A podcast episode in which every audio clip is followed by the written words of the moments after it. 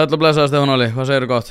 Ég hef sjálf að verið brattari. Nú er sumarið loksins búið, haustið er að byrja með allir í pólitíkinni og nú fyrst verður gaman.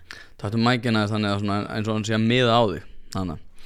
Herði, sko, þú ert almanna tengill Þú hefur verið bara pólitískur ágjafi og komið svona allstar að Þú hefur verið fjölmiðlum og fleira Og hérna, mér hefur langað að fá þig lengi Til þess að einmitt ræða pólitíkina og hingað ertu komin Og það er það sem við erum að fara að ræða Og það sem ég ætla að reyna að gera í dag Og það sem við ætlum að reyna að titla þetta sem Er að þetta verður fríkeipis pólitíska ráðgjöf til allra flokka Hvernig líst á það?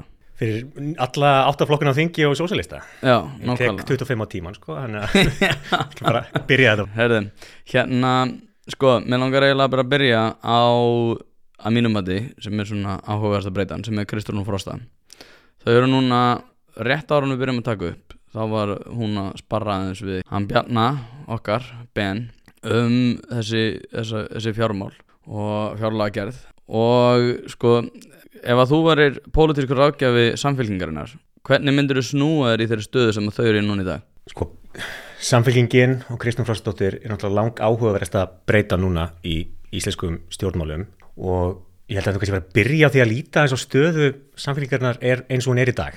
Það mælast náttúrulega algjörlega með heimilskautum og það, ég held að samfélkingin sé jafn meðvituð um það og við öll að þau muni aldrei fá þetta upp úr kjörkossunum. Þetta, þetta fylgir þeirra hlýtur að skýrast af tvennu, annars eru þetta Kristrúnu og breytingun í fórustunni og svo myndi ég tippa á að meira hlutin af þessu væri óanægi fylgi vegna þess að samfylgingin sjálf hefur ekkert breyst allavega í samræmi við þessa fylgisökningu. Stefnumálið þeirra hafa ekkert breyst, þau hafa bara breytt sko, áherslunum sínum og umbúðunum og þau hafa sloppið með að hinga til en þegar við fyrir kannski inn í kostningabaráttu saman hvernig hún verður, þá munum þau þurfa að fara að svara fyrir, ef að segja málið sem þau hafa ítt út í hotn núna.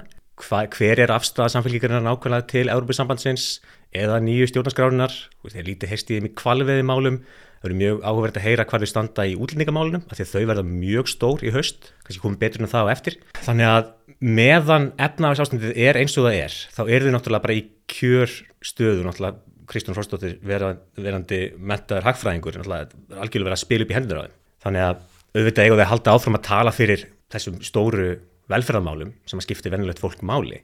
Hætta að tala um sko, frumjöfnuð eins og sjálfstæðisflokkurinn og veist, eitthvað svona afkomi bætandi aðgerðir eða hvað við að tala um sko, bara tala um mannamál, tala um að sem skipti máli. Veist, fólk á kaffestofum landsins er ekki að tala um kvalviðar við erum að tala um sko, húsnæðislánun okkar. Og það mun svín virka sko, bara halda sér svolítið á heimavelli af því nú er einmitt á, það ástand í þjóðfélaginu þar sem fólk er að tala um þetta og þarna geta þau staðið sér vel. Þau geta annars staðið sér vel en það er ekki bara það líka sko eins og þú segir sko ég, ég skauta þess á hérna sjálfstæðisflokkin fyrir það að vera í einhverju svona teknokratísku þrasi eins og sko orðið frumjöfnur ég held að flesti bara viti ekki eins og hvað þýðir en það er svo sagt útgjöld með mínus vakstakjöldin og hérna en eins og ég segi, hinn almenni leikmar er ekkert eitthvað, hver er frumjöfnuðurinn í ár? Það er eins og þú segir bara hérna, herðu, hvað verður, hvað verður hvernig verður húsnæðislánum með þeirra vextinni minni losna? Já, þetta er líka svo áhugavert og þetta er bara mjög skilvægt, maður þekkir það bara sjálfum sér að fólk skilur ekki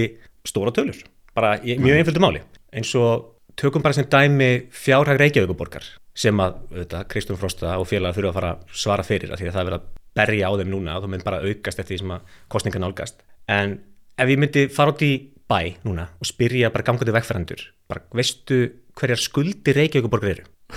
Veist- veistu hverjar eru? er það ekki, hvað var það, hann hverju 10 miljardar? ég held að sé sko 400 miljardar eða eitthvað. 400 ég, ég er ekki sem við sjálfur sko. Nei. en ég held að almenningu sé það ekki heldur. En ef ég myndi spyrja þau hvað bragginn kostaði Já, þá held ég að flesti getið satt með það kostaði einhver 400 miljónir 417 minni mig. Já, nákvæmlega. Þannig að, að það er svona þessar stóru óáþreifanlega tölur það bara setja ekkert eftir. Og þess vegna held ég að ef við náum einhvern veginn að setja fjálmáríkisins í samhengi við venjulegt fólk, jafnvel venjulegt heimilisbókald og það sé kannski ósangjant í einhverjum tilfellum þá setji það eftir í að fólki. En nú er auðvitað bara veðmálið hjá stjórnvöldum að reyna að halda þessi ríkistjóð saman næstu tvö árin vegna þess að þau eru auðvitað bara veðja á það að efnagsástandi verður orðið skárra þá og þá verður, hvað ég að segja búið að fjara kannski undan samfélkingunni skilur, í samræmi við bættan efnahagslega veru, veruleika. Það gæti verið sko, en ég veldi því samt fyrir mér sko hvort að þetta þetta svar sko um það eins og sko Kristrún er bara búin að segja ég ætla að leggja allt til hliðar þanga til að það verður orðið betri að, fyrir heimilin að búa í þessu landi og ekki svona rosalega mikið eitthvað þannig. Ég held að jáfnvel þó að sko verðbólga myndi og ég var að skoða spár landsbankan þar sem þeir voru einmitt að fara yfir bara heyrðu sko þetta mun ekki koma til með að lækka af einhverju verulegu leiti stýrivextir og verðbólga fyrir en árið 2025 þegar það eru kostningar og það ár verða sko stýrivaxtalækkanir mjög hægar út af því að ásker mun vera svo var um sig þannig að ég held nefnilega að ég er ekki alveg sammálaður um það að þau þurfi eitthvað að fara að svara fyrir það hvað þau standa í allskyns málum. Ég held að Kristofn Frosta muni komast einmitt mjög langt á því að segja ég ætla bara, ég er ekki að kynna mér þetta. Ég er að eða mínum tíma í það að kynna mér málefni heimilana í landinu. Þau eru nummer 1, 2 og 3 það er ekkert sem að er mikilværa heldur en það að koma til móts við það að fólk geti búið hérna við mannsamandi kjör. Og þetta message, ég held að þetta muni verða mjög vinsælt. Ég held að sko fólk og því að það er hérna, það var Björn Ingis hjá Viljanum sem að sagði hérna að besta sem hún getur gert í pólitík er að tala um það sem aðra eru að tala um og segja og sem lausnaði ég held að sé ekkert volað margir eitthvað að pæla í Evrópumálunum og því að þú segir sko þau þurfa að koma einhver afstöð í Evrópumálunum. Ég held ekki. Nei, ég er mögulega brendur eftir að hafa starfað sjálfur í stjórnmálaflokki fyrir kostningar og fekk það hlutverk að svara öllum þeim fyrirspurnum sem bárist flokknum í aðranda kostninga og ég geti sagt fólki það bara að þetta er algjörlega djöfulegt starf en það berast flokkunum sko hátt í 200, alltaf því 300 fyrirspurnir um alls konar mismöndi málflokka og á þeim tímpundi finnst manni maður þurfa að hafa svörin. Bara hver er stefna flokksins í þessum málum alltaf því mjög furðulegum málum. Uppáhaldspósturinn minn var frá herramanni sem var mikill áhuga maður um skórækt og vildi bara fá nákvæmlega hversu hátt hlutvall landsins skildi vera sko undir byrkitri og greni og eitthvað. Mm. og manni leið bara á þeim tímbúti svo öll spjótt stæð á manni, maður þurfti bara að vera með svar fyrir hann að mann Spurðu ekki bara í Savia? Já, náttúrulega eh, Ég velti líka fyrir mér. Sko ég bara hugsa um al, almenna kjósanda sem kannski hefur áhyggjur af Europamálinu sem að segjum bara sér svona single issue voter. Bara hvar, hann vil alls ekki gangi í Europasambandið, getur sámaður sett atkvæðið sitt á samlíkuna, þú veist, auðvitað ræðist að með hverjum fer í stjórnarsamstaf eftir kostningar, en við setja það þú veist, á Já, og er það bara samfélkingin að fara En er sá kjósandi ekki alltaf að fara í framsók sjálfstæðisflokk eða miðflokk? Er þetta kjósandi sem að skilur Kristrún raunverulega þarf að eða við snúum sem við skilur bara einhver sem að krefst aðeldar að Európa-sambandinu eða hvað það er sko ég menna ég bara velti fyrir mér hversu lengi þau komast upp með það að eiginlega skila auðu í stórmáluflokkum það gengur núna með efnarsástandið er eins og þeir og allir, allir að tala um þetta. En svo kannski kom einhver stór mál sem maður þarf að taka afstöðu til. Og allaveg bara að skila auðu fyrir umræðu og einhvern veginn bara treysta á að, að fólk hugsi bara um þau sem efnarsflokk oh.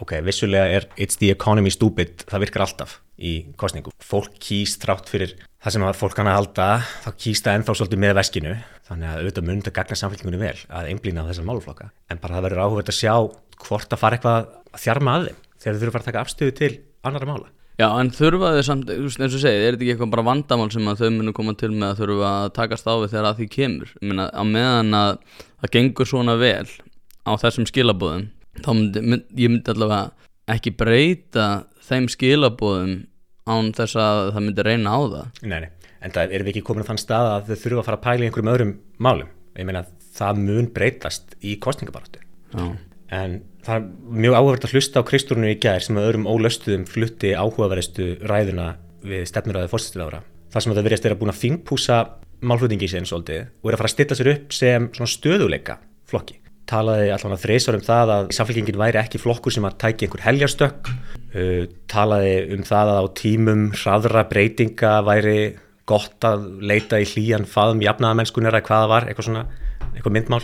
Og alltaf þannig að augljóslega stilla sér upp sem einhverjum svona öðrum kletti í hafinu eins og sjálfstæðisflokkurinn hefur fengið að vera undarförnu en það er náttúrulega augljóst núna að hinn styrka efnaðastjórn sjálfstæðisflokksins er ekki jafn styrk og aðeins látið. Þannig að að þau verðast alltaf verið einhver svona yfirvegaður, þroskaður efnahagsmálaflokk. Notaðan í alveg orðið hlýr faðmur efnahagstefnar?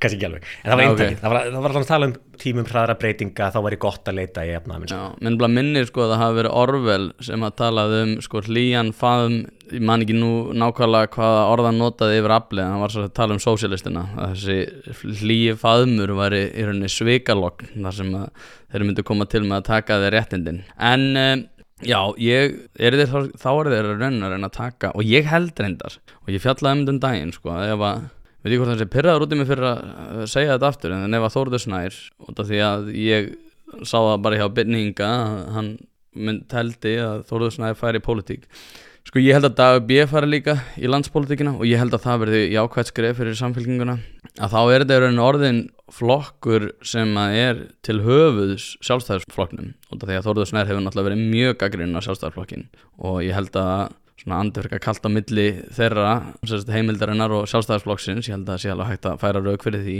Um, Dagur B hefur náttúrulega verið sko mótað sig sem hann hefur ekki kannski endilega útilokað sjálfstæðisflokkin ég veit ekki hvort hann hefur gert það. En hann hefur samt alltaf í allir, öllum kostningabarátum í borginni sko mótað sig sem andstæða við sjálfstæðisflokkin þið kjósið mig og mína stuðningsmenn eða þið fáið sjálfstæðisflokkin og ef þið fáið sjálfstæðisflokkin þá fáið ekki þessa skemmtilegu og góðu borg sem ég er að búa til. Og það er rétt hjá þér, ég skoðaði hérna núna rétt í þessu. Það eru, það eru 400, sko árið 2021 fóru skuldi borgarinnar yfir 400 miljardar ég var rauglast á tögum að það er bara tap sko, þessa sko, fyrsta ársluta eða eitthvað. Þannig að hérna en eins og segi, heldur þú að þetta muni koma til með að verða raunveruleiki? Að þau munu, þau munu örgulega skipta út 8-9 Ég ætla að tippa það núna, ég er, endar, ég er sagfræðingur af ment og sagan hefur sínt að sagfræðingur eru mjög lélir að giska til um framtíðina. En ég ætla enga síður að, að tippa á það að það verði uppstilling hjá samfélgingunni fyrir næstu kostningar ekki Sérst- prófkjör, fóruð þið prófkjör síðast? Nei, fóru mjög furðulega blandaða leið sem er köllu sænsku leiðina. Það var svona einhver, einhver tillugu listi sem var settu fram og þetta var svona einhver millileið en ég ætla að tippa á sérstaklega ef að kostningar beð brátt að að það verði uppstilling. Og, það muni svolítið ráðast af sterkri stöðu Kristúnar hún er algjörlega einvaldur í flokknu núna, hún er búin að snúa þau öll niður enda bara er fullt til að minn til með að við heitna, gengi í skoðanakönnum þannig að hún fæði bara að stilla upp sínu sigurliði. Og margir tilnefndir en, en margir kallar en fáir útvaldir segir maður. Guðmundur Átni Stefánsson í Hafnafriði, hann hefur svolítið verið nefndur. Hann er vist bara komið með hausinn á alþingi segir fólk hérna í kringum hann í bæjastutinni bara hausinn er komin á afkon eins og sagt er, Um, svo erum við með þetta Ölmu Möller, hún hefur orðið við þetta landlæknir, Ha? já alltaf sýstir Kristjáns Möllers hann gæti tekið 8. sæti í, í norðaustur eða eitthvað og ítt loga niður. Svo hefur Björgvin G hann, hérna fyrirverandi ráðherra, hann hefur líka verið nefndur. Hann er fullt af nöfnum hana. Og með því að stilla upp þá getur við komið vekk fyrir alls konar lukkurittara sem munur reyna að koma sér inn í flokkin skömmu fyrir kostningar og það gæti alveg reynst þeim vel, en alltaf ókostur við, við uppstillingu eða það sem að prófkjör hefur fram yfir uppstillingu er það að það er smá hiti í smá stund en svo bara liggja niðurstundar fyrir og þá bara er allt fallið í dúna lokk sko, fólk bara sætti sér við niðurstöðuna og heldur áfram að með uppstillingu þá mallar sko óanægin ennþá undir niður í mjög lengi. Sérstaklega ef að samfélgjuninni fatast flugið í allranda kostninga og það er bara búið still upp sigurliði kristurunar og það bara fer að líti út fyrir það að, að árangurum verður ekki af góður og lagt var upp með að þá mun þrengja svolítið að kristurinu og hennar sigurliði sem hún stilti persónulega upp. Já. Já, ég held að þetta verði, já, ég er mitt að sko, mér finnst það svolítið ólýðræðislegt að, að stilla svona upp en svo geti það reynst vel og þau náttúrulega hafa talið svona almennt að það hérna reynist vel svo þau fá ekki fyrir um fanga og svona og, eða Ágúst Ólafinn Nei, við lókum bara alla fyrirvændi fanga.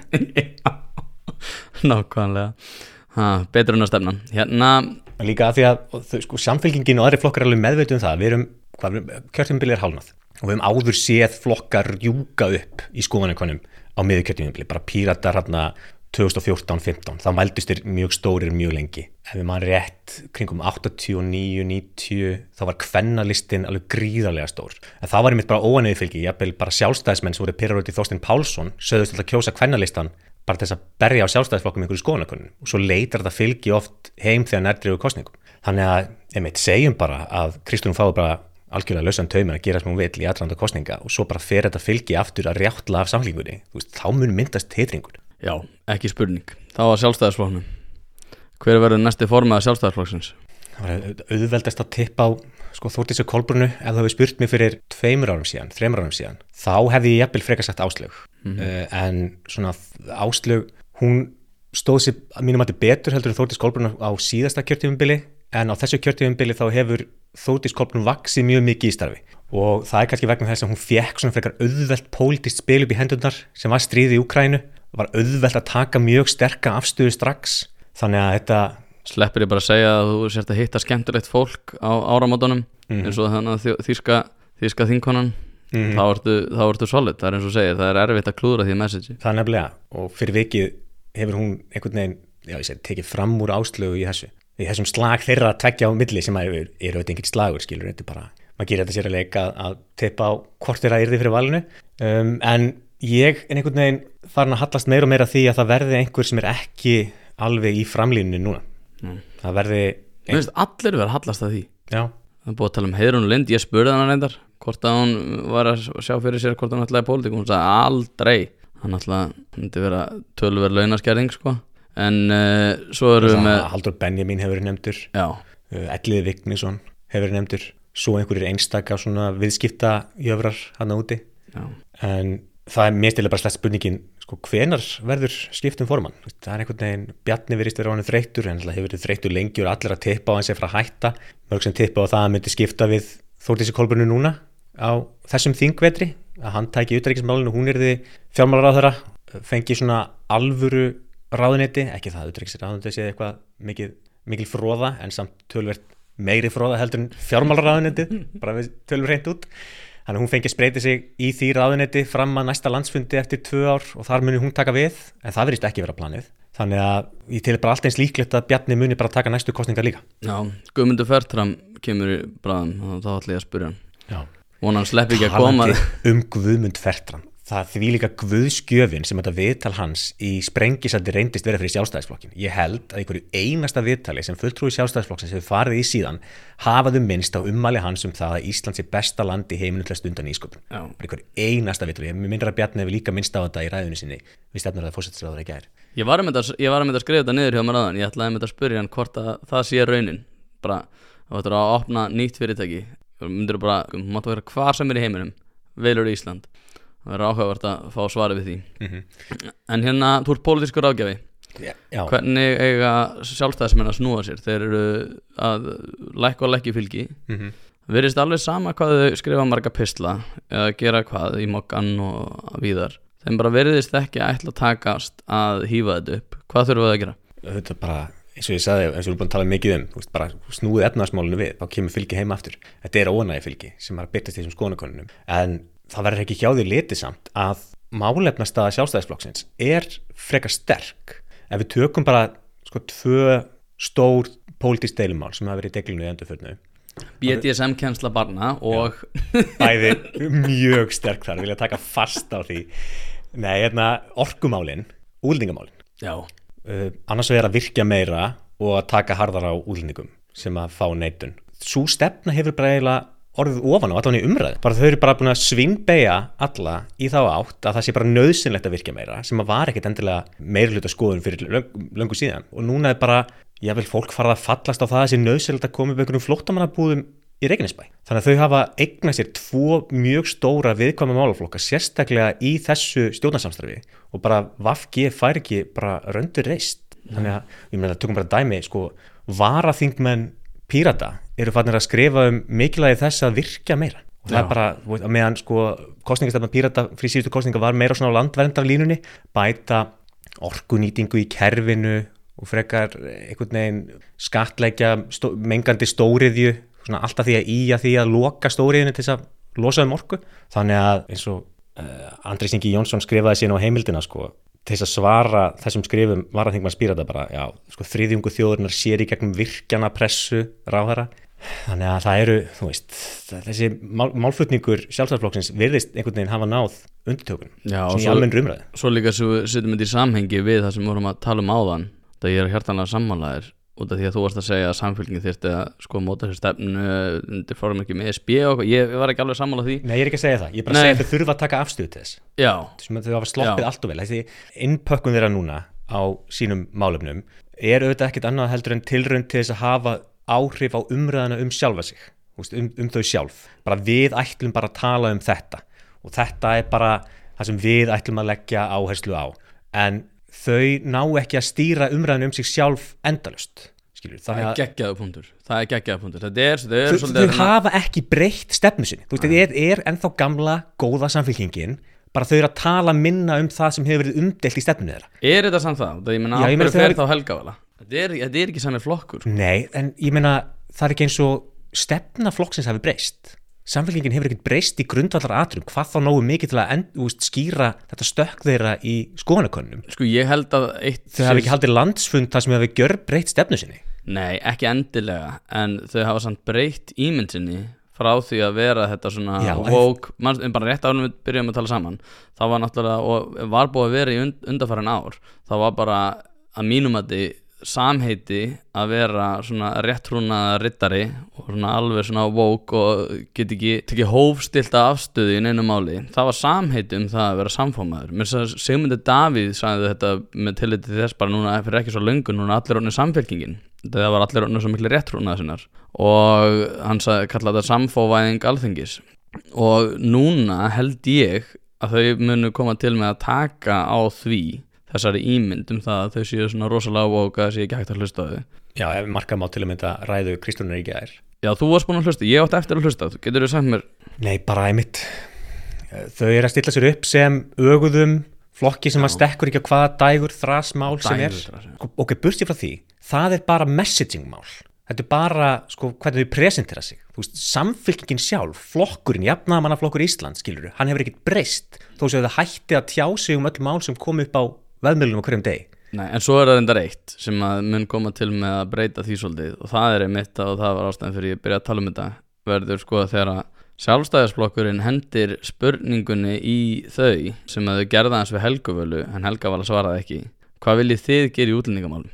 Nú er 65% fólk sem að segja að það sé of lítið gert í þessum málum Áttu við að þurfa að taka harðar á þeim að séu margir. Já, Já. veistu, það er bara, held ég, skýrasta dæmið um það að sjálfstæðiflokkurinn sé búin að sigra umræðina.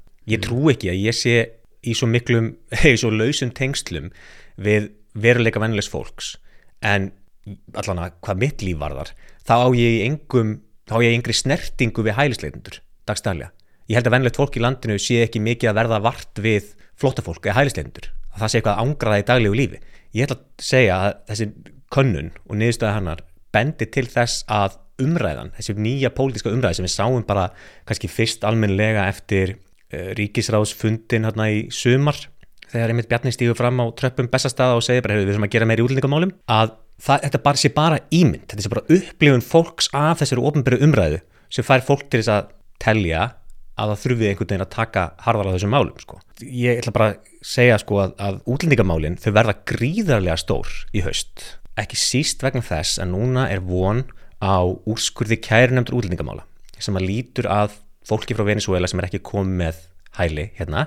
Og ég ætla ekki að segja að sé sko, orðrómurinn innan stjórnsýslunar en svona fólk er að búa sig undir það að þetta fólk verði svift réttundum sínum, sérst fólk frá Venezuela og það er gríðarlega stór hópur um að tala um einhver hundru manns.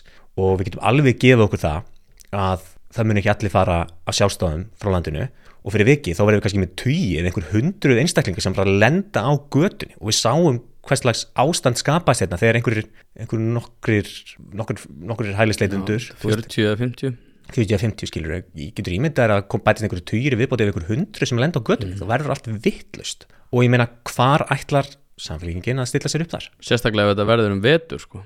Þá verður þetta mjög þungt sko. Já, já. og ég meina Kristur myndist að það er aðeins í gær að það væri stjórnleysi í útlendingamálum tala um stjórnleysi þeirra í útlendingamálum. Ég veit ekki hvað maður á að lesa mikið í það kannski bara að benda á raunveruleikan það er ákveðið ástand uppi hérna skiluru en hvort að það seti marks um það að þau vilja vera með einhvern járn nefa í þessum málum það efast ég um, það væri mjög ólíkt samfélkingunni en allavega, það eru stór mál sem að samfélkingin þarf að fara að taka afstöðu til sem að ekki lúta beint að efnaðsmálum en við vorum að tala um sjálfstæðisflokkin sko. Já, já. ég vil minna það, einhvern veginn fyrir maður alltaf að tala um samfóð en það Þau eru náttúrulega stærsta breytan sko. Algjörlega. Og munu koma til en svo eins og þú segir sko þeim fattast flugið og En ég ætla bara, bara að spyrja það hérna. Já, Fyrst við bara að spjalla hérna við tveir þurfum bara hérna að enginn hlusta uh, Ég hef einhvern veginn tippað á það að næsta ríkistjórn muni samanstanda sjálfstæðisflokknum og samfélíkunni, einhvern veginn. En til þess að það geta á sér stað þá held ég að sé algjör krafa samfélkingarinnar að fá fjármálaráðendið því þar munu þau geta keirt sína stefnið í gegn. Heldur þau að sjálfstæðisflokkurinn geti gefið það eftir þau gáttu það í tilfelli eh, bjartar framtíð og viðreistnar þá var viðreist með fjármálaráðendið en kannski stittra á milli viðreistnar og sjálfstæðisflokks í efnaðarsmálum heldur en á milli samfélkingar og sjálfstæðisflokks Mm. Sko mér finnst almennt séð hafa skort ótrúlega mikið á svona House of Cards pólitíska leikjafræði hjá sjálfstæðisflokknum undarfærin ár. Þau hafa verið að keira svolítið á því að það sé rosalega gott og þau eru, þau eru talsmenn frelsisins og talsmenn einstaklingsins og hafa ekkert voðalega mikið hugsað út í það nákvæmlega hvernig þau bera sig í eins og almennri umræðu eða það hvernig þau móta sína stefnu. Það er allavega mitt mat og það mín pólitíska leikjafræði segir mér að það væri sko já, það væri gott fyrir sjálfstæðisflokkin að taka, það, að taka þeim díl þá myndi þeir halda ímsum málum eins og þeir myndi halda sjáuratögnum þeir myndi halda, þeir myndi halda ákveðinu tankarhaldi á þær stóðir sem þeim tekir svona að vera samfélagslega mikilvægir svo getur þau náttúrulega bara kent samfélkinginu um það ef að ítla fer í fjármálunum með því að þau myndu keira einsinn kjarapakka og að velferðarkerfið myndi verða miklu stærra og það myndi leiða af sér aukin, aukin útgjöld sem að engin innistæð er fyrir og það myndi vera að tekja að lánum. Þannig að í kjálfæri geti á sjálfstæðsflokkunum sagt bara heyrðu, þetta var ekki okkur að kenna. Og það var ástæðan fyrir því líka eins og ég nefndi að ef að sjálfstæðsflokkunum hefði bara slegið til kostninga og látið samfélkinguna hafa stjórnatöyminn í 10% verbulgu með útlendingamálinn í ákveðnum ólestri orkumálinn í ákveðnum ólestri í verstafalli hefðu þurft að taka á sig fjögur ár. Það sem þau hefðu sagt bara er, sjáu þau hvernig, hvernig þau klúraði þessu því að þau hefðu fengið náttúrulega bara ákveðin svona einar Þorsteinsson díl þar sem bara, herru, ég er búin að lofa henn að ég geti rettað þessu í fyrramáli svo þegar ég fæði stjórnatöyminn þá er ekki hægt að gera neitt í þessu. Ég menna einar Þorsteinsson fór frá því að tala við mig í viðtali um það að þyrti að takast á við já, grípa þetta sko rótum um það hvernig við komum fram við fatlaða og að þyrti að auka þjónustu við fatlaða. Katri nefndi þetta líka í sinniræðu núna í gær. En svo núna þá er bara eina Þorsteinsson að segja, herðu þetta er bara rosalega dýr málflokkur, Bjarnið byrjar að segja þetta sé rosalega dýr málflokkur og það verður augljóslega ekkert neitt gert. Þannig að ég held að sko svona mitt pólitíska nef segja mér að það er miklu sniður að fyrir þeim í sjálfstæðisflokkin hefði reyndar verið sniður að gera það áður að láta bara samfélkinguna að fá stjórnatöfin þau segja, heyrðu, já, nei, það er náttúrulega bara það er algjör samfélagslega upplösun ef við myndum hvetið kostninga núna. En út frá svona pólitíska leikjafræði þá gæti það verið til mikils að vinna til lengri tíma þó svo þau þurftu taka svona skamtíma og skell. Þannig að ég held eins og ég svara spurningunni þá held ég já, ég held að þau myndu taka þeim díl. Einfallega út af því að þegar einhver er með fjármálaráðanetið þá er hægt að setja rosalega mikinn hit á þig. Og með það sem að sko, samfélkingin er búin að lofa þá held ég að það muni koma til með að reynast vera ógeðslega dýrt sérstaklega til skemmri tíma og þau muni ekki geta sagt almenningi það að þetta er langtíma plan sem mun reyna á fyrstum sinn en mun koma til með að leiða til betri kjara síðan mér ég held að það mun ekki einfallega bara fljóta og þannig myndi stjarnar Kristrúna Frostadóttur hvað við segja, dopna ansið hratt. Þetta eru þetta veðmál rétt eins og í borginu og myndist á Einar Þorsteinsson segjum sem svo og honum takist núna að keira sínar meintu breytingar í gegn á þessu einu og halva árið, tveimur árið sem hann hefur til þess það myndi þetta líta stórkoslega út. Þá myndi þið bara leggja grunna miklum kostningasýri framsóknu næst. Saman og segja um Kristrúnu. Segjum bara að hún ákveða að taka þetta verkefni að sér og nærað einhvern veginn snúa öllu við og koma öllu í rétt horf, þá væri þetta stórkoslegt og þá erum við bara með hérna 30% samfélgingu einhver tíma eftir það. En ég held að flestir telli nú að það sé ólíklegt. Þú, þú snýrið ekki ólíuskipinu við á örfáum mánuðum. Þannig að Ég líka bara töl, sko, ef við hugsaum bara um rofnar aðfangakeðjur út af Ukrænustriðinu, rofnar aðfangakeðjur út af COVID-19 við búum við allt annan heim heldur en við gerðum árið 2019 og það að fara með lofórð sem eru keimlík þeim sem að voru 2018-19 þar sem að stjórnaranstæðan var að keira á því messagi að við þurftum að koma til móts við fátalfólk og fleira það því umlíkt var miklu raunhæfara þá heldur en að er í dag. Það, það er bara við búum við miklu meiri takmarkanir sem að sko snýrað öllum okkar verðmætum sem betur fyrir náttúrulega ákveðin yðnaður eins og fiskaiðnaðurinn og áliðnaðurinn sem að er að skila auknum tekjum út af stríðinu en það er ekkert eitthvað sem hægt er að reyða sig á til lengdar í sambandi við verðmætasköp þannig ég held að sko svona hagfræðileg greining þó svo ég sé ekki hagfræðingur og telli mig ágætlega stakk búin til þess að allavega vera með einhvers konar huglengur um það er bara að þau lofórð sem við heyrum frá stjórnarnanstöðunni bara eins og í flokki fólksins og víðar á sér miklu minni stóðir önveruleikanum í dag heldur en að gerði áður. Og þess vegna held ég að ef að samfélkingunni myndi lukkast að ná stjórnatöminum því að eins og ég er búin að ræða sko, ég, ég sagði það núna Kristrúnu síðast er að ég talaði um hann í, í pælingu dagsins þá sagði ég mitt sko ég myndi fara varlega í yfirlýsingar um það að það sé ekkert mál að breyta þessu. Út af því einfallega að þegar að þeir, þú fær svo stjórnatömin og þeir gengur vel í kostningum þá færur stjórnatömin með það á bakinu að hafa lofað upp í erminaðir og þá mun, stjórn, mun stjórnarnastan sama hver það verður, hvort það verður sjálfstæðisflokkurinn eða einhver annar, koma og segja erðu, hérna viðtal við þig fyrir um það byrju 14 mánuðum þar sem að þú ert að segja að þú getur rettað þessi fyrirmáli, hvernig ætlar að gera þetta núna?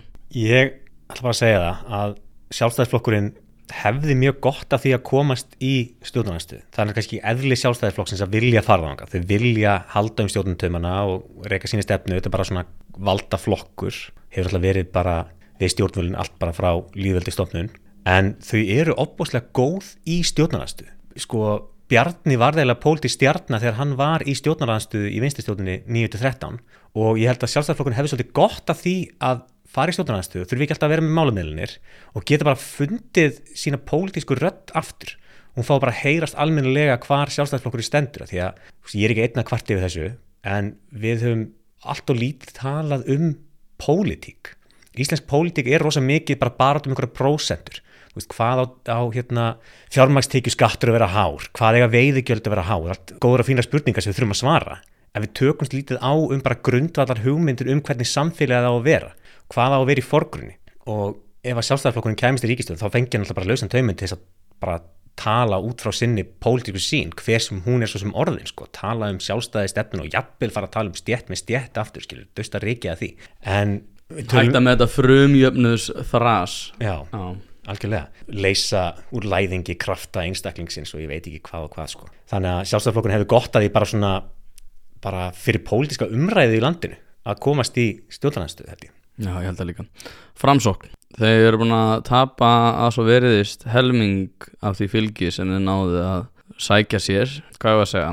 Einhvern ákveðin COVID momenti þetta var freka fyndið, þetta var sko COVID var því, því var að ljúka.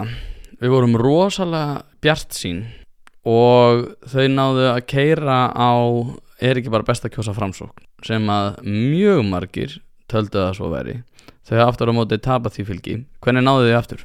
Þessi byrjaði að tala eins um, um síðustu kostningar af því að ég er þeirra skoðunar uh, að, að tilfinningar og ímynd skipti meira máli í stjórnmálum heldur en stefnmál og þess vegna þykir mér svo vænt um kostningasífur framsóknar síðast af því að hann bara gössamlega síndi fram á það uh, bara getur nefnt mér eitt stefnumál framsóknar fyrir síðustu kostningar hvað var stóra kostningamál framsóknar? Um, innviða uppbygging. Uh, og húsnæði. Sem er algjörlega ólíkt öllum öðrum flokkum. En þú veist, þau ákveðu bara að, að, að keira á tilfinningu, það var bara búið að vera mikið rót í samfélaginu, undan var bara tvö árin þar á undan í COVID og fólk bara þráði bara einhverja ró og einhvern stöðleika og þau keirðu bara nákvæmlega á því með þessu kostningastáður sín þau bara spilið á tilfinningar fólk svo uppskári ríkulega. Og en það eru, eins og ég segi, tilfinningar eru stórkostlega vannmettnar í stjórnmálum. Og en núna er, ef að segja stefnuleysi framsóknar svolítið að koma í baki á þeim, af því að hvar geta þau beitt sér? Þau, þau get ekki talað að einhverjum styrk inn í stóru mál samfélagsins. Þau get ekki mynda sér sérstöðun þau eru bara svona típisku miðurflokku sem getur unnið í allar áttir. Og fyrir viki þá er bara svolítið erfitt fyrir þau að, að tala af einhverju ákveðni um einhver svona stór mál sko. gott að ég myndi að benda á það að framsvonarflokkurinn fer með öll mentamál í landinu að frátöldum háskólunum hver er stefna framsvonarflokksins í mentamálum hver er stefna framsvonarflokksins í efnaðasmálum útlendingamálum? Ég veit, ég veit ekki ásmundur einar. Hann er búin að fá svo mikið hita át að þessu hérna. Stelpunum í körfuboltanum hann þegar hann var að skutla henni þannig um árið. Það, það mál dúkkaði upp aftur um daginn. Svo erum við með eitthvað, hann er náttúrulega sko, erjur þannig út af þessu fá skjót, skjót inn í sko, Já. hérna, svona almannatengsla pælingu, veist, ok, við hefum náttúrulega ekki verið að tala um einhvern, einhvern orðróm sem er ekki staðfestur skilur, þetta, þetta er óopinbert, það er búið að skrifa fæslum þetta og þetta er búið í umræðinu og búið að skrifa fréttum þetta og svo leiðis, en sko, með þetta myndband finnst ekki, þá er ásmundur einar dónakall Srödingers, skilur ég meina, hann er bæði dónakall og ekki dónakall. Já, já, dónakalls röðningir ég hef aldrei þetta en sko, þetta er náttúrulega búið að fylgja um lengi og bara svona, nú er Greta Theodorsson með hann undir sínu vendavang og ég skal hundur heita ef hann er ekki tilbúin með eitthvað einhverja krísustjóðunar plan, skilur þetta er búið að yfir hann við mörg ár sko. en ég held að þetta, þú veist, þegar öllu hvort það skiptir þetta einhver máli. Nei. þetta mál bara kom og fór og rétt eins og kom og fór á sínum tíma. En nú náttúrulega aðal hitin sem að hann sæti núna er tengslu við saminningu framhaldsskóla. Hann kom svolítið með svolítið töff hjá honum í, í ræðu sinni í gær við stefnir að fórstöðara að þá bara, þá svara hann þessari gaggrinni beint bara hann rammaði sína pólitísku sín þú veist, við erum að mæta börnum þar sem þau eru og þetta, þessi saminninga svona liður í því og eitthvað. En svo var Ríkibjörg Ísaksen að drullið hana fyrir það. Já, hún er samflokskona hans. Mm þannig að það verðist vera mjög já, það eru skil deilda meiningar um það sko hvort það sé bara hagreðing eða hvort það sé einhver samleðar áhrif af þessu.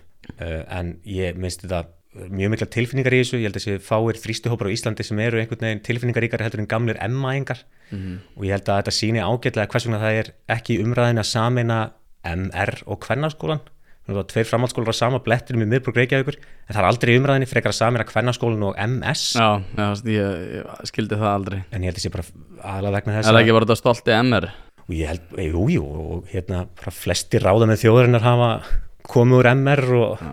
Það eru nú eitthvað ljótir hérna reistunum píslandin í morgunblæðinu ef að hérna til að gamla skólinast staðis En geta þeir samt, sko, geta framsvonum en einhvern veginn, sko, endurvakið þetta fyrir næstu kostningar að þeir séu, einmitt, þessa ímynd sem þú talar um, eins og svona stefnuleysi, stefnuleysi ímyndaflokkurinn. Geta þeir einhvern veginn náð þessu aftur?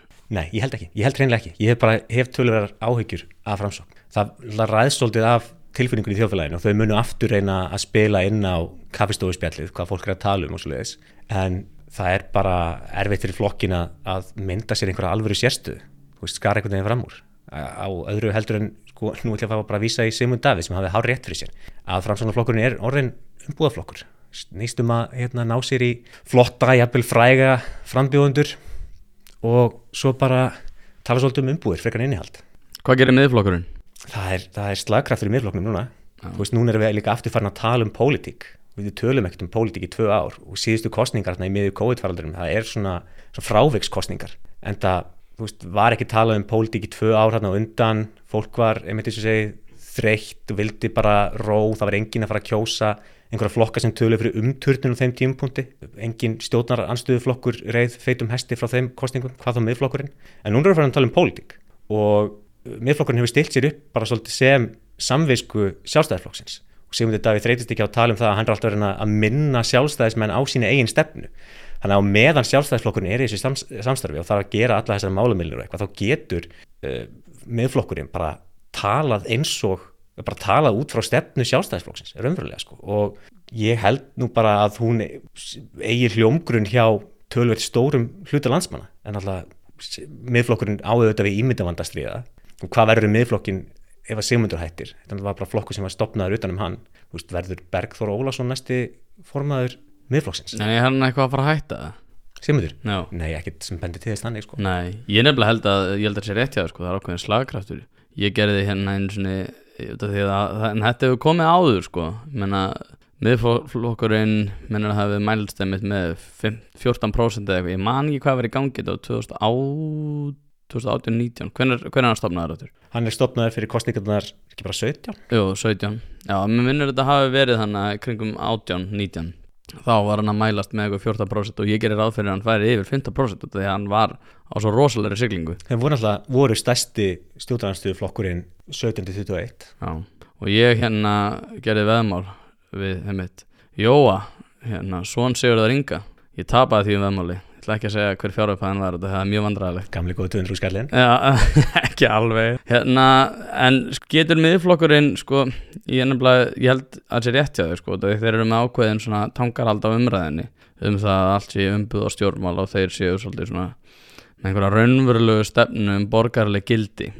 Þorgeru Katrin er eitthvað aðeins búin að vera að reyna að hoppa þá lest en þeir einhvern veginn verið að stega það. Og ég er að heyra ótrúlegasta fólk sem að segja mig bara, heyrðu, ég myndi nú ekki segja þetta ofinbarlega en ég, ef að þið gengið til kostningi það, þá myndi ég kjósa miðflokkin og þetta er ekki einhverju svona miðaldra kallar sem að eru með svona, hvað að segja, ímsar skrýtna skoðan, þetta eru bara ungt fólk sem ég er að hitta bara, sem að myndi kjósa, kjósa miðflokkin ég hef bara aldrei upplefað þetta áður sko. að það sé svona meina- yngra fylgi. Nei, ég, ef þú ná að, að einhvern veginn komast hjá því að tala um, hvað var að segja, hins egin mál, skilur við? mm -hmm. Það held ég að það sé svona veikasta málefnastaða miðflokksins. Ég held að, að þeirra málflutningur í hins egin málum, það kemur á trans og kyninu sjálfræð og svo leiðis. Ég held að, að þeirra málflutningur þar eigi sér ekki marga fylgismenn, en ég minna að við ná bara að tala um stóru máli sem skipta fólk máli, þá er málefnastaðan þeirra bara ákveðlega sterk ég meina þeir eru búin að færa umræðan í útlendingamálum svo veist sjálfstæðisflokkurinn er bara að byrja að tala eins og miðflokkurinn í útlendingamálum og þetta orkumálum og rekstri hins ofinbera Sigmundur Davíð alltaf að skamma sjálfstæðisflokkin fyrir að eigða svona miklu. Og með frábæra línu í gær í stefnuræðinni bara hvernig er hægt að eigða svona miklum peningum með svona litlum árangri? Það er bara frábær spurning og ég held að fólk sé bara alveg að spyrja sig að þessu. Já, þetta verður frekar magna Talandi um peninga, viðreis Já, þau eru svolítið áhugavert spesimenn, af því að það er stemming fyrir því að allan að klára aðeldavirðaður við Európa-sambandið, allar kanni benda til þess, en það bara skila sér ekki í fylgi til viðreistnar. Það er kannski bara vegna þess að þetta er ekki málefni sem brennur á fólki þrátt fyrir að njóti stuðnings, Þú veist, fólk er ekki að tala mikið um aðeldavirðar Európa-sambandinu á kaffestofum landsins, en þau hafa mati fólks færst svolítið til vinstri í mörgum málum og stilt sér upp með uh, frjálslindu miðjunni í stjórnarnastuðinni unnið mjög náið og vel með pýrötum í mörgum málaflokkum. Um, þannig að, að það er auðvitað mjög sterk hægri taug í náttúrulega grunnur flokksins eru óanæðir sjálfstæðismenn sem að hurfu úr rauðum sjálfstæðisflokksins vegna Europamáluna og þau auðvitað, þú veist, fullt af sóknafærum fyrir viðrist bara til að, að tala um bara efnaðasmáli þau eru, eru svolítið bundin af þessari Europasambands lausn sinni og gjaldreismálunum og þetta er alveg samfærandi málflutningur hjá þeim varandi það að við séum að borga hérna húsnaðið okkar þrjusunum oftar heldur en einhverju hollendingur og að sé tvöfalt hérna, peningakerfi í landinu stóru fyrirtækin með að gera upp í evru en ekki vennileg heimili og svo leiðis þetta er allt frekar einföld og góð skilabóð mm -hmm.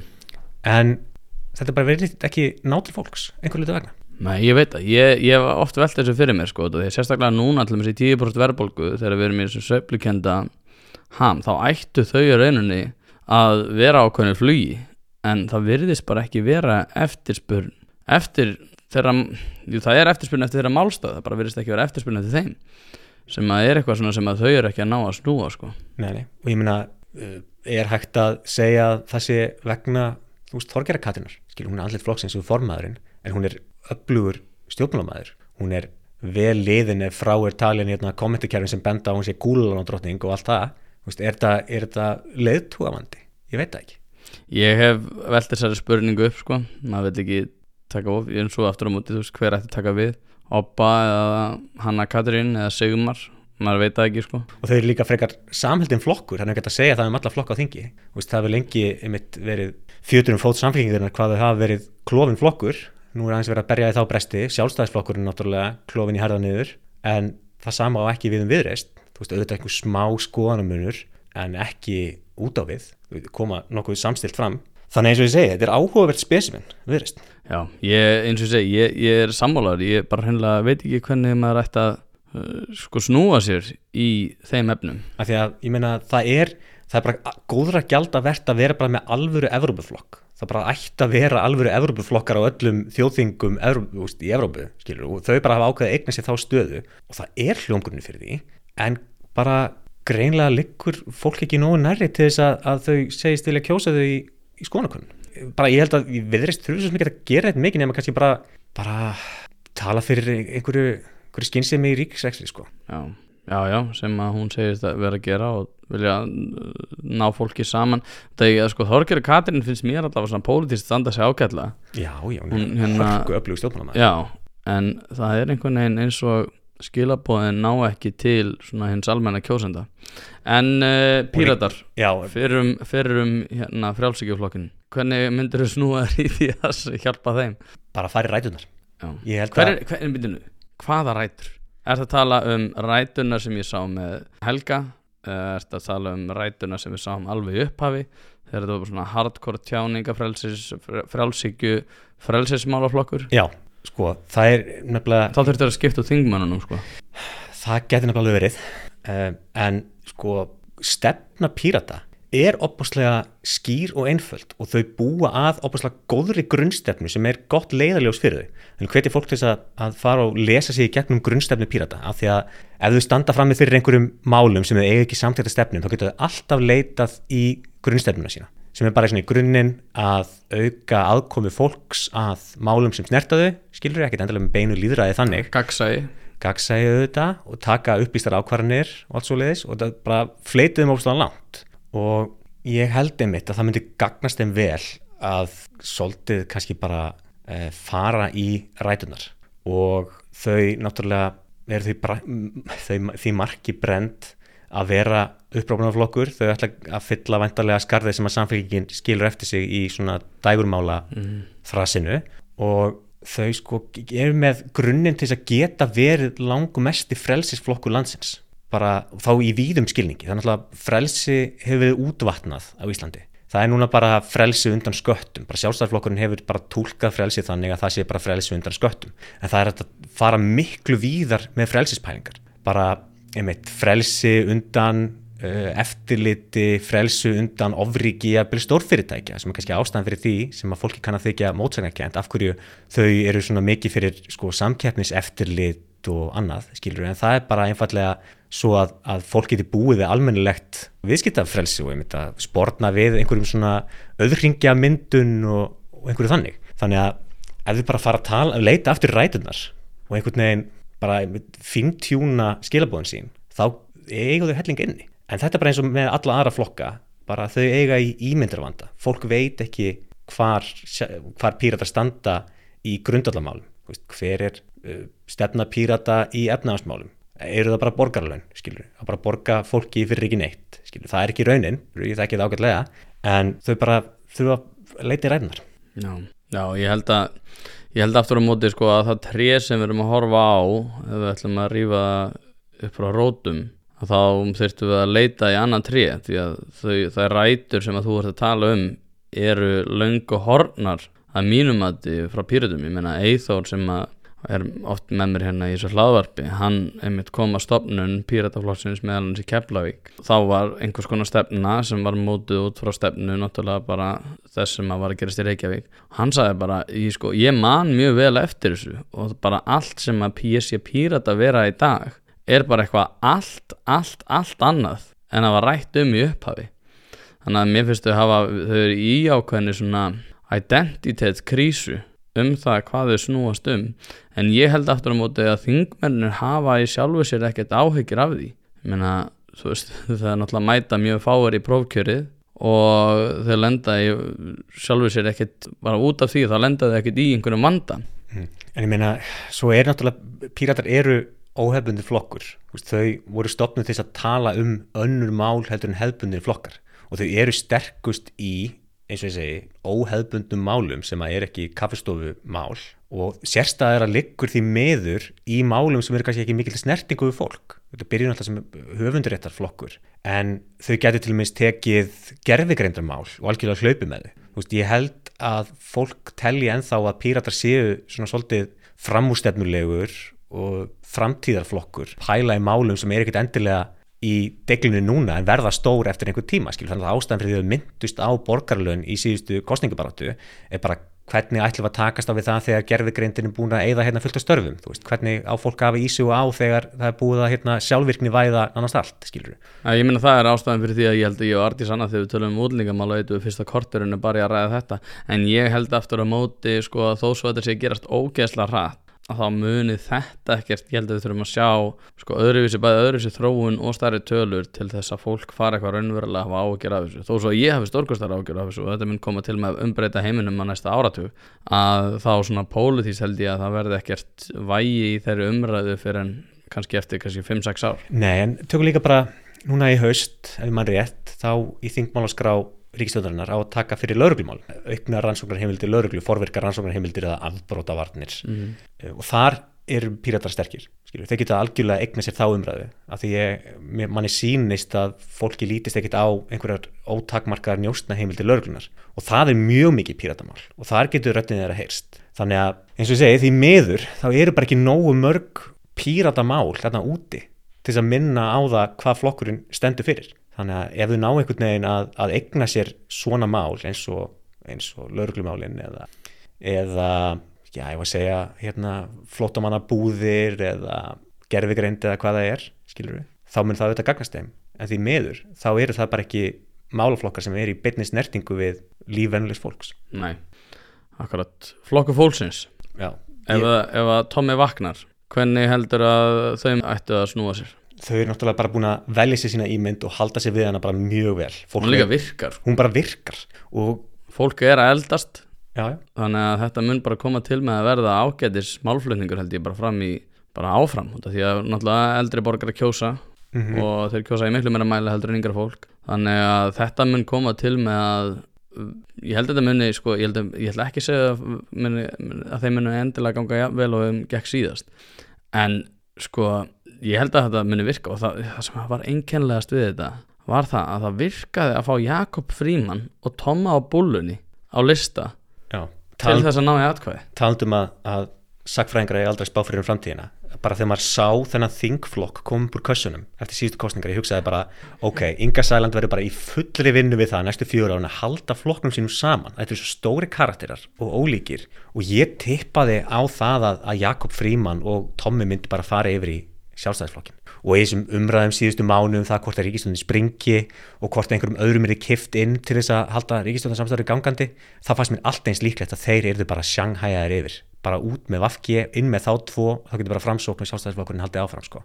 en þau hafa haldið hópinn, skilur og bara halda sig við sinn málstað svolítið þjóðurni sinnaðan eh, málflutningum um gamalt fólk og öryrkja og eitthvað og þau eru bara þar, þau bara eiga þá umræðu, bara hafa eigna sér hana. Svo virðist vera sem bara það ætla að ganga áfram. Og ég meina, Inga Sæland var með sína mjög svo stöðluðu, bladlausu ræðu í gær maður hefur heilt hana miljónu sinnum, skilur en það er kannski bara allt í lagi, bara endurtekning í pólitík hún bara virkar. Að, en Þetta er líka náttúrulega málflutningu sko sem að, ég- og ég, sem ég held að sko er svo ótrúlega vel sniðin. Hann er sér sniðin af fólki sem hefur það verra en aðra í samfélaginu og það er alveg 100% ég held að hún komi og segi það sem allir þessir hópur er að hugsa þegar Bjarni Ben kemur upp í pontu og segir að hér sé allt frábært og hér sé mikil velmegun og hagkerfið er á fullu og það er lítið atvinnuleysi.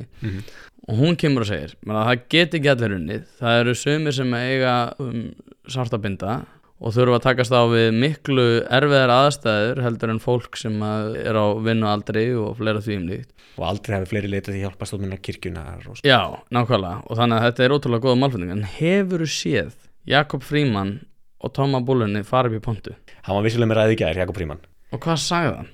hann talaði, svona svolítið vítt um sviði talaði mikið um sko íslenska framleiðslu þegar standa vörðum landbúnaðinn talaði um uh, menningagerinu þetta þarna heimavelli uh, talaði um áhyggjulust æfukvöld og bara svona, það var heilt yfir bara svolítið þjóðinni sinnaður málflutningur frá flokki fólksins sko, þetta er bara frá allt frekar staðalað og gott. Já, en hann, hann segir aldrei neitt. Jakob Fríman segir aldrei neitt um neitt. Og þegar Tóma Búlunni mætir í pontu það fyrsta sem hann segir er að ég skil ekki hvað ég er að gera hérna. Nei, og það er bókstaflega það sem hann segir. Hann segir, ég skil þetta ekki og þess vegna ætla ég bara ekki að kjósa.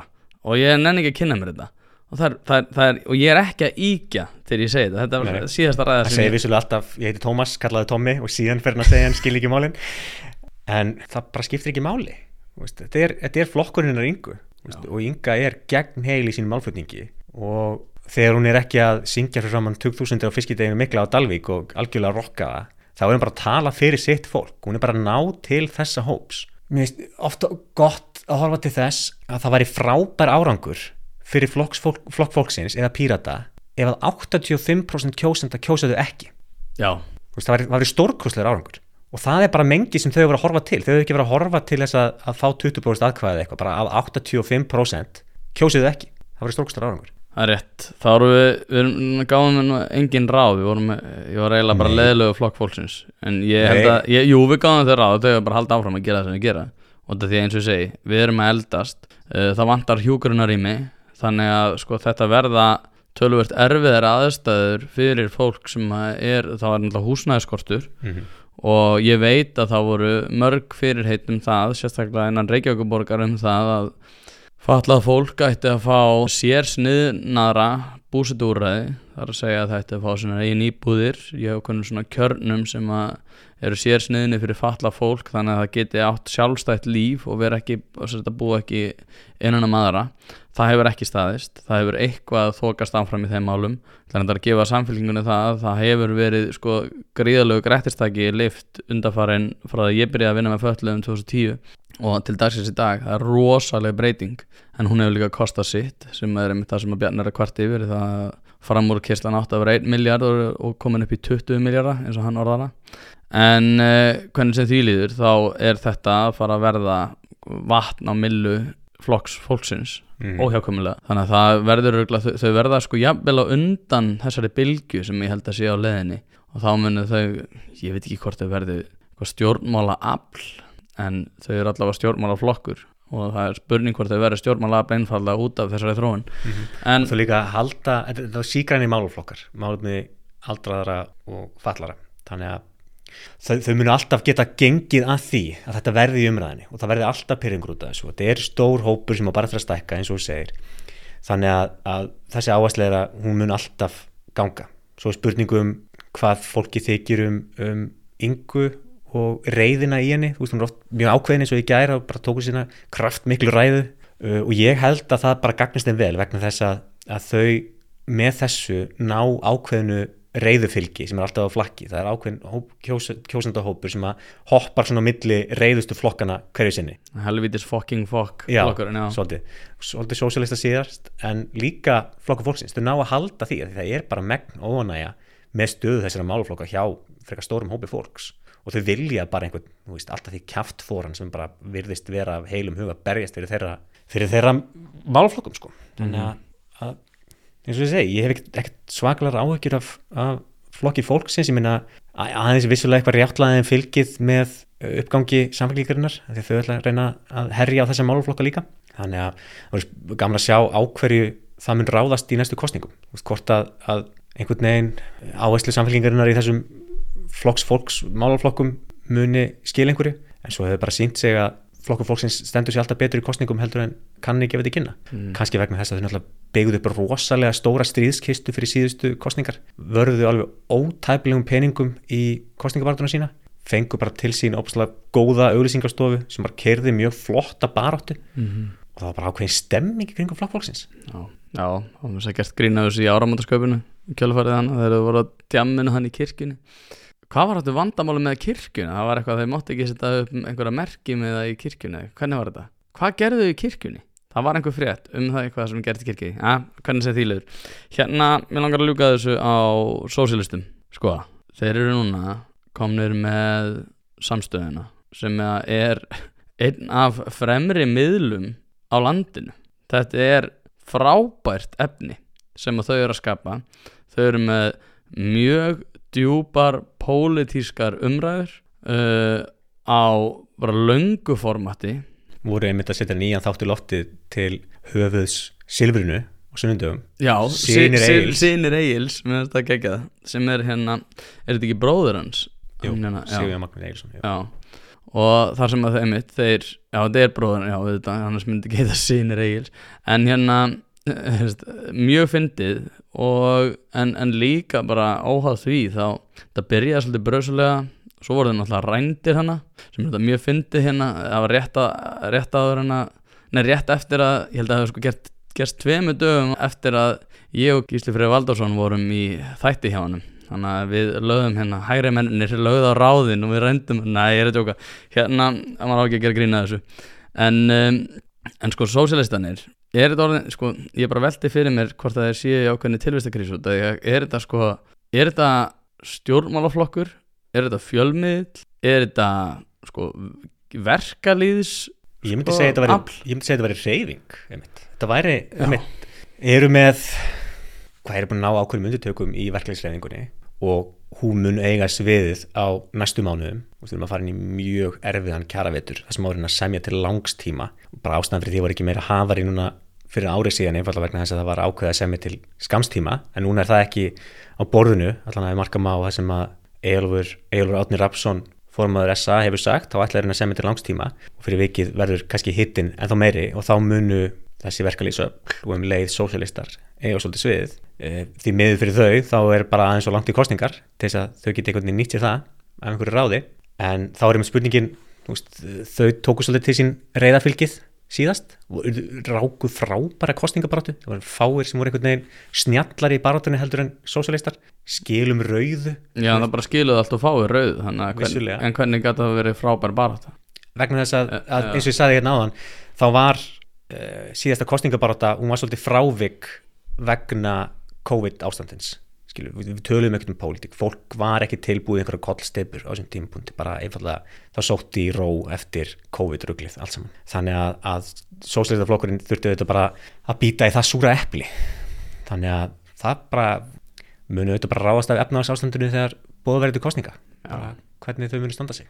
Ekki spurning sko, en ég bara ég er náttúrulega líka svo mikil veistla að hafa Bjarna og Gunnarsmára á sama plattforminu það er bara, það er fátt jafn skemmtilegt eins og að horfa þá tvo að takast á sko. Þá saði ég mitt Gunnarsmári við Bjarna sko, ég er á flugi á meðan þú ert að niðurlið. En hann uppskar ekki uh, eins og hann hafði vonast eftir Nei, í uppur kjörkossunum En ég ætla að segja hann þetta er rós að núna eru fjárframlög úr ríkisjóðu til stjórnmálaflokkana mjög umdelt fyrirbæri. Og mér þykir einhvern veginn sósælstaflokkurinn hafa nýtt sína fjármuni best. Ég alveg talaði af öllum flokkum. Að opna bara fjölmiðl til þess að bara setja málgagn. Já, það er bara stórkostlega nýting á þessum fjármunum. Þetta er bara farið í einhverja hít hjá öðrum flokkum, eitthvað starfsmannahald og eitthvað. Menn þau eru bara á fullu í messaging bara daglega.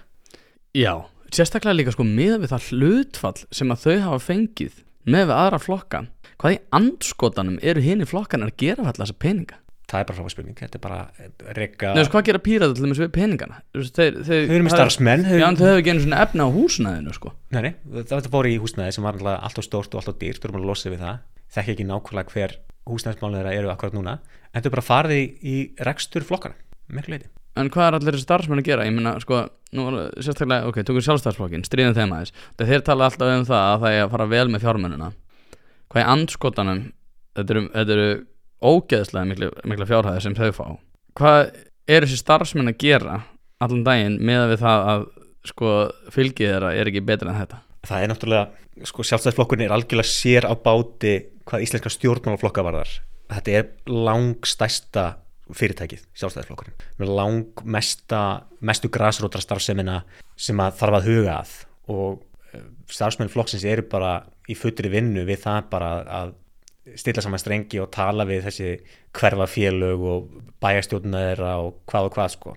Þannig að það þarf alveg tölvöld utanumhald um svona stóran flokk en þið sama er ekki að segja um aðra minniflokka það er ekki nándar nærri sjálfstæðarflokkurinn er að leika í allt annri deilt en aðrir stjórnmálaflokkar á Íslandi sem sérstu þetta bara á Landsfundi. landsfundi Já. einmitt. Þetta, er, þetta er lang mesti stjórnmálaflokkur á Íslandi. Og auðvitað þá bara þarf bara pening í að, að reka auðvitað valhöll og, og starfsfólk til þess að halda auðvitað um starfsemina sem er náttúrulega bara gríðarlega mikil. Eh, en, En ég held að er sko að það væri annað sko að það kæmi úr öðrum sjóðum þar að segja ekki styrki til þingflokkana ég held að þetta sko að reka starfsemina kæmi úr öðrum sjóðum eins og aðstofamenn og fleira þvíumlikt er það ekki þannig? Nei, það, ég, nú er ég mögulega að tala að mér sko, ég þekkit ekki nákvæmlega. Nei, Nei ok, En- þá, en þá get ég verið að bylla Ég meina aðstof með þingflokka eru bara á launaskrá hjá alþingi. Veist, þeir eru bara starfsmenn alþingis. Já, það var að al- velta fyrir Já, sem, að- sem þeim er útlutað sko af alþingi.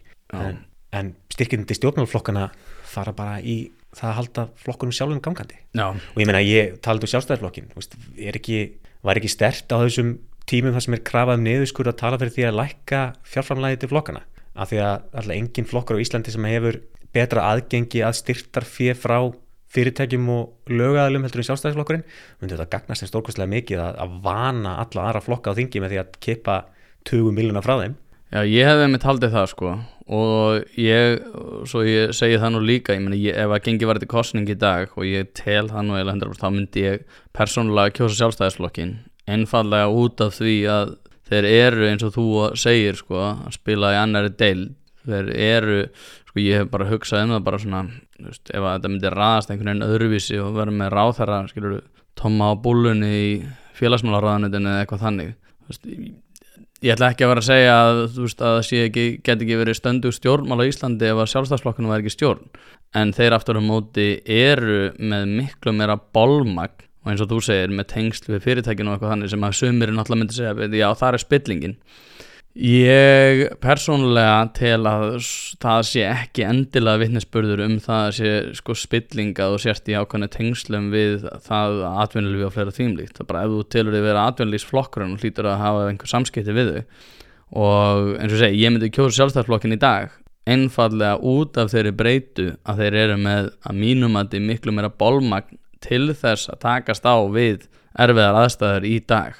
Og ég held ekki alveg fullir það að, að það er engin annar flokkur á Íslandi sem að einhvern veginn nýtur þess eða býr við það að sko kjósendunir líta jafnvel á það sem svona sjálfsmyndramál að vera sjálfstæðismæður mm. veist, það, það er bara virkilega bara sjálfstæðismenn þarna úti bara sem að bara, það er bara hluta personleikunum vera uh, en ég sé ekki að séu sko mar margir viðreistnar menn sem bara einhvern veginn horfa á það sem bara stóran part af sinni sjálfsmynd að bara já, ég er í viðreist bara viðreistn er minn flokk. Ég er samfélkingamæður já, maður heyrir þetta ekki sko. Maður heyrir eins og þú segir sko, maður heyrir sjálfstæðismæður já, já, enda er það líka bara sjálfstæðisflokkurinn er bara félagsstarf fyrir bara fullt af fólki út um all land.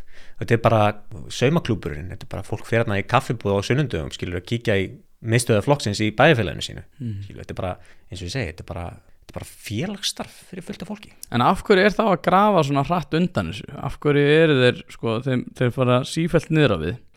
Hvað er það sem að, svo við förum aftur í pólitíska ráðgjöfuna, hvað, hvað er það sem að, hvað, er, er þetta einhver svona um, tínt pústl sem að þarf bara hérna og þá lagast þetta?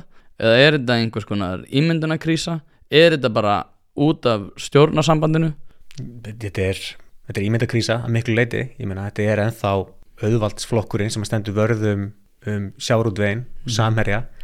Hagsmunni hennar ríku. og ég meina og, og Bjarni Benditsson eru þetta, hann er laskaður skilur þú veist að hann hefur staðið af sér mörg neykslismál en ég meina hann fær á sig mörg neykslismál og það stendur í mörgum skilur mm. þú veist að hann sé bara beintengdur mörgum að stærstu valdafjölskyttu landsins og fólki þykir það óþægileg tilhugsun. Þannig að þetta er ímyndavandi en þetta er líka uh, skilabóðavandi skilur, þau hafa ekki nógu mikið talað um það hvers vegna sjálfstæðisflokkurinn er mikilvægur og hver er svona grunn sín hans á samfélagið. Og þau geta staðið sig vel í þeirri umræð sá bóðskapur bara, hefur bara sagan sínir að sá bóðskapur nær til fjölda íslendinga. Þannig að ég myndi segja einmitt ímyndar og skilabóðavandi Já, akkurat. Herðu Hefur ekki verið að tala um, um hvort að þessi ríkstöld sé að fara að springa eða? Jú, tölum um það. Út af því að hún er sprungin. Að, veist, og ég hef múin að segja þetta svo oft en ég ætla að segja þetta sem hefur bútt við erum með útlendingamálin og við erum með orkumálin. Og ég tel að Katrín segja þetta gott úr pólitík eftir þetta eftir þessa törn. Er Jóti skúladóttir að fara að samþykja frumvörp rasita dröllupolsins er Jón Gunnarsson og Guðrun Hásteinsdóttir og fleiri að fara að gefa eftir eitthvað í þessum málum. Sko kvalviðmálið var bara forsmekkur af svo mikilli pólitísku krísu sem að stjórnin er í. -hmm. að, að mínum þetta er þetta náttúrulega bara sprungið veist, og það, hún er sprungin með tillitið til þess sko hva, hvert þau ætla að stefna. Ég sé, ég sé ekkert í spilunum um það hvernig þau geta að ráða fram á þessu. Ég held að það sé ekki eitthvað sem að, eitthvað spil eins og Svandi Svárstóttur gætt rettað kvalmöðumálunni fyrir hórn án þess að sprengja allt í loftu Það var, ég ætla bara að fá að skjóta því að, að það var úr því sem komið var, var þetta fullkomin löst í Svandísi, að setja mjög þröngar skorður um kvalviðar sem að kvalur muni geta uppfyllt og þegar þessi vertið er búin og hún fær mast skýslunni í hendurnar og þá bara heyrðu ok, þrátt fyrir þessar 20 miljónir sem að kvalur eru búin að setja í veðtækin sín, þá er bara ekki hægt að stunda þess að veða almennilega og þess vegna ég ekki að endur nýja starfsleifið, skilur uh, hún þurfti að tapa sko orustunni til að vinna stríðið, þannig að ég held að þetta sé algjörlega upphafið að endurlókum kvalviða en já, þetta er alveg árétt ég er ég veit ekki hvernig þau ætla að snúa sér út úr svona grundvallar skoðanamun sem að hafa á stórum málflokkum eins og útlendingamálum og orkumálum. Uh, kannski munum þau fara einhverja svona helmingaskipta leið, þú veist, vafki getur skýt sjálfstæðisflokksins í einhverju málflokkum en, en þurfa síðan að fá síðan lausari taumin í einhverjum öðrum málflokkum sem er standaðið næri, skilur það getur alveg verið en meina með við þingmálaskarana þá er ekkert svona stort mál sem að vafki getur bara veginn sagt okkur við fáum þetta allavegni í gegn, Ge við fáum að setja sjálfstæðisflokkurinn fara að setja flótamannabúðir í Reykjanesbæ en við fáum hérna mannréttinda stofuna í staðin það er bara ekkert nógu mikið það er ekki nógu mikið hérna á borðunum til þess að gera en þess að segja veist, ég hef ekki trú á því að þau muni sprengja sér ríkistjórn núna. Það er bara efnaðs ástændið það sé bara einfallega þannig að það er ekki einhvern veginn hagun eins það er bara tveir af þrejum flokkum í sér ríkistjórn er ekki að standa sér vel í konunum það er erfitt efnaðs ástand og það er bara þeir tveir flokkar munu ekki ríða feitum hæsti frá kostningum núna. Sjálfstæðarflokkur munu alltaf standa sér vel það er bara við sínt sig. Uh, en ef þau ákveða að slíta ríkistjórnri þá ætlum ég að ráðleika um það að, að stíga öll þrjú fram saman. Sigur Ringi, Bjarni og Katrín þau komum bara að halda bara blamanafund og segja bara veist, við erum bara komin í öngstræti skilum við, bara, við finnum það, við erum bara, of, bara ólík í mörgum stórum málflokkum og þess vegna höfum við tekið sammeila ákvörnum það að slíta þessu. Það svona í anda þess að við hafa talað um að það sé mjög gott samstarf þeirra á milli, það sé mikil virðing á milli þeirra þryggja og engin flokkur þarf að líta út fyrir að vera einhver björt framtíð sem að sprengja út einhverju tilteknum máli mm. Skilu, þau segja bara, Já. þetta væri mjög öguð leið til þess að sprengja þessi ríkistjón segja bara, heyrðu, einmitt. Við viljum leggja þetta í hönd kjósenda að sjá Já, hver stefnan er að vera. Já, algjörlega, bara þeir svo kjósendu vita þá erum við ólíki flokkar, við höfum mismöndi sín á hvernig við höfum að taka stáð við stærstu mál samfélagsins og nú er það bara komið að kjósendum að segja, þú veist, í hvaða átt ríkistjóðun á að fara. Það er mjög snýstilega leið, einmitt eins og þú segir sko, að stíga og líka einmitt sko, message að sko, senda þau skilabóða þau séu í sjálfu sér ekki að sprengja stjórnina heldur að þau séu, að, leggja þetta í dóm kjósenda. Hvert, hvernig þau vilja taka á þessu málum sem að nú eru uppi. Út af því að sko ég er sammálaður að hérna, ég held að sé ekkert sem að Katrín getur fengið í staðin fyrir það að heimildin tekur mjög dramatíska blörraðan bakgrunnsmynd þar sem að ung stelpa heldur í, í, hérna, í rimla og flótabúðunum í, á, sko, á hérna göngusvæðinu fyrir í flótamannabúðunum þar sem er sko djúft sokkin augu þar sem hún heldur í rimlana og byðla til þessum að fá, að, fá hér dvalarleifi. Ég held að Katrín getur ekki fengið þá mynd upp í hendunar og segja, eins og þú segir, já, en allavega fengum við hérna mannréttindastofuna og fengum að takast á við hatusórraðu gegn hins einn fólki. Ég held að það mun bara aldrei, sko, það mun aldrei einhvern veginn geta fleitt þeim áfram sem stjórnmálafli. Ég get ekki séð fyrir mér að það gerist árið 2024, árið 2025 kemur Ardís Anna og byrtir fæslu bara muni þetta. Það skiptir máli hver stjórnar Þa, þá, er, þá ertu og þau eru náttúrulega de facto þau eru, þau eru sprungin en þau gætu samt sko þetta myndi endanlega vera náðarhögg. Og sama gildur um sjálfstæðarsflokkina þeir get ekki gefið eftir í þessu. Og eins og þú varst að nefna í samöndu við Venezuela fólki frá Venezuela að það er því komið mjög mikið af fólki á göduna miðflokkurinn byrtir tölur um það hvað þetta sé að kosta skakkræðendur og sjálfstæðisflokkurinn getur þá ofinu sig. Þá eru þeir líka búin að gefa mikið eftir og myndir koma ennþá verður út úr skoðanakonum og líklega þá í kostningum mm -hmm. Þannig að þeir eru líka bara búin að setja alla spilapenningarna sína á það núna að taka bara með festu á útlendingamálunum og það yrði frekar hjákáttlegt fyrir sjálfstæðisflokkinu einhvern veginn að, að þurfa að draga í land núna. Sérstaklega eins og ég segi að því að með við skoðanakannir þá virðist sá málflutningu verið að ná til fólks. Og það var einhvern veginn einmitt skrítið að bakka út úr því núna til þess að halda stjórnarsamstörnu gangandi sko. En eins og segir í bókinu megin, þá er það að stjórna stóri ríki eins og að sjóða litla fiska. Og Katrin er bara búin að vera í því núna í sex ár að sjóða litla fiska bara af nattni og, og passa að, að hlúa vel á öllum fiskum svo verður nú bræðgóðir og fínir. En núna er bara suðan kominu og fiskarnir eru bara að bull sjóða og öllum vondir og það bara að gera eitthvað. Það er líka svo, þau þyrtu svo mikið það er að segja ríkistjóðin, þyrtu svo mikið á því að halda að koma einhverju stóru framfara máli í gegn, einhverju svona legacy máli, arfiðleiðar máli þegar fólk hugsa tilbaka, bara já hvað Já. gerði þessi ríkistjórn, hverju komin í gegn? Bara eitthvað svona stórt áþreiflegt mál bara eins og ingangan í EES eða eitthvað svona alvöru, en það er bara svo erfitt þegar flokkarnir eru svona ólíkir, það er bara erfitt að finna eitthvað þannig mál sem að saminar alla þess að þrjá flokka veist, já, við getum alveg að tala um þreföldun og fjárframlegum til tannréttinga en það er ekki, þú veist, það er ekki áþreifanlegt sko arfleiðarmál Þú veist, það, Nei, var eitthvað eins og, það var eins og eitthvað eins og gangi ESB eða leggja niður átífaferð eða eitthvað. Það gátt ekki einu sinni gefið sko samtökunum 78 viðbútar 15 miljónir sem, sem þeir lofuðu en dróðu svo í land með. Og það er eins og þú segir sko ég held að sé engin svona stór mál sem að gæti komið til út af því að þau eru einfallega búin að leggja svo mikið annað af að ef að þau myndu fara í eitthvað svona stórkostlegt mál þá myndi allir byrja að spyrja sig býtum við, voruð þið ekki mun að lofa þessu en voru að draga í land með það? Hvernig í ósköpunum höfum við efnað þessu? Og þá erum við að tala um samgöngur og fleira sko. Þannig að ég, ég eins og segi, þessi, þessi ríkistjón er sprungin og og kannski eiga bara einmitt stjórnarnastuðu flokku þannig að leifa henni að rífa sig í sig sko. Já, já, ég held einmitt sko að það var einhver sem að sagði hérna að fyrir stjórnanstöðuna, frekar en, en eldur en að myndi springa eins og þú varst að segja á hann ég held að það væri skinsanlegasta leiðin. En ef að þau halda í þetta og halda áfram að vera svona rosalega já, ganga fram með mjög vandræðilegum hætti það sem þau eru að drölla yfir hvort annað hægri vinstri í blöðunum og núna með þess að Óli Björn hættur sem þingflokksformaður og Hildur Sverris komin í þann stað. Ég veit ekki á hverju það er enn svo ég lesi með línuna, ég, meni, ég held bara Óli Björn sé kannski að horfa á þetta og sé bara heyrðu, þetta er bara orðið svo guður rugla að ég nenni ekki að taka þátt í þessu. Einmitt, það er ekkert komið fram ópenbarlega Hildur Sverris var reyndar í viðtali við morgunblæði morgun uh, og kom sér sem ekki inn á það hvað allir þessu, bara fekk síndar frá Bjarna spurði hvort hún vildi taka þetta að sér. Það þarf ekki verið neitt að baka við þetta, þingflokksformennskan er krefjandi starf. Konar, halda utanum hópiðin, út að fara alls konar aðra, auðvist, auka fundi og þetta er bara hellingsstarf að vera þingflokksformar og kannski vil bara Óli Björn minka við sig. Kannski er hann að fara að fá einhver nefnda fórmennsku eða eitthvað, það, það líkur ekki alveg fyrir. En svo náttúrulega er auðvitað þrálóður orðrómur um það að Óli Björn verði næsti rítstjóri morgunplassins kannski er hann að horfa í það.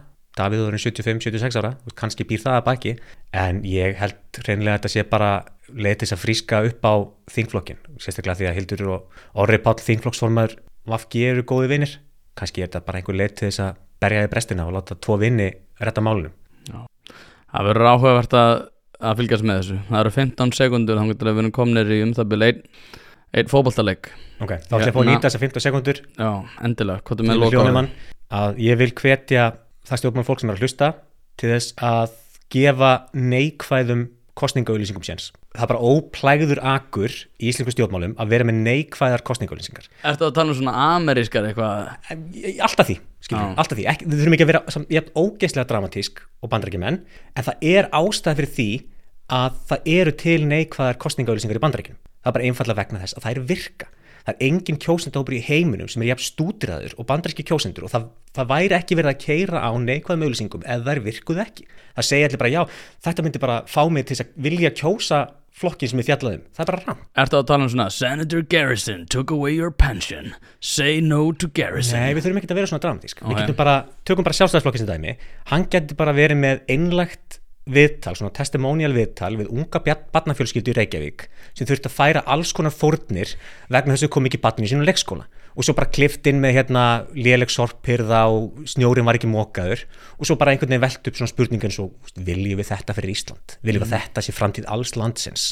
Viljum við heimfæra rugglið í borginni á, þú veist, restin af þjóðinni, skilur Það er að þau aðeins, þau sko Diljumist sagði hjá mér, hún sagði hérna er, er, er, er, þjóðin raunverulega að fara að kjósa það yfir sig já, já, er að fara að taka fjármál Reykjavíkuborgar og færa yfir að landsmál? Algjörlega, algjörlega, ég meina þetta er bara stef sem þau eru þegar að nota og af hverju ekki nota það í kostningabarátunni Já. og svo móti gæti samfélkingin bara teiknuð upp öll axarsköft sjálfstæðisflokksins á síðustu árum öll hinn meintu spillingarmál og ég veit ekki hvað og hvað. Og svo bara spyrja, er ekki komið tímabreitingar?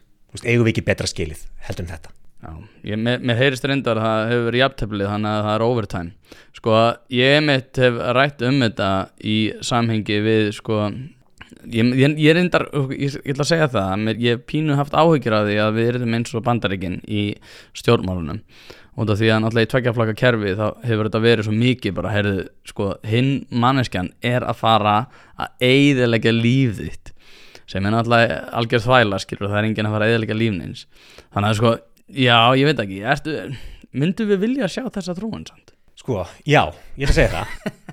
Ég er algjörlega þar. Að því ég meina við getum gert þetta á smekklegan og sangjatan hátt. Og ef þetta er gert bara ekki af of mikillir dramatík heldur þetta bara gert af einhverju sangirni þá eru svona auðlýsingar bara þjónust af við kjósendur. Þetta er bara upprifjun.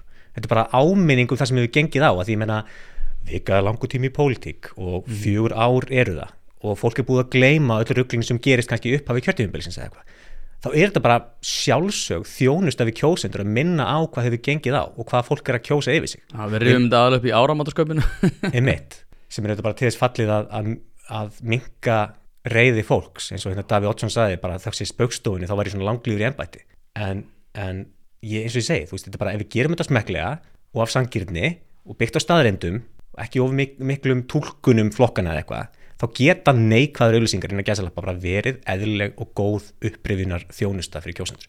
Já, ég er endar sko fjallað um það eins og þetta því að það verður mjög mikið efni í slíkt fyrir næstu kostningar og ég er endar er sko ef að þessi ríkistjórn tórir að þá held ég sko að þegar að vextir lánana losna að þá mun uh, frétta tími stöða 2 uh, hefjast á því að það er verið að bera uh, unga fjölskyldu með tvö börn.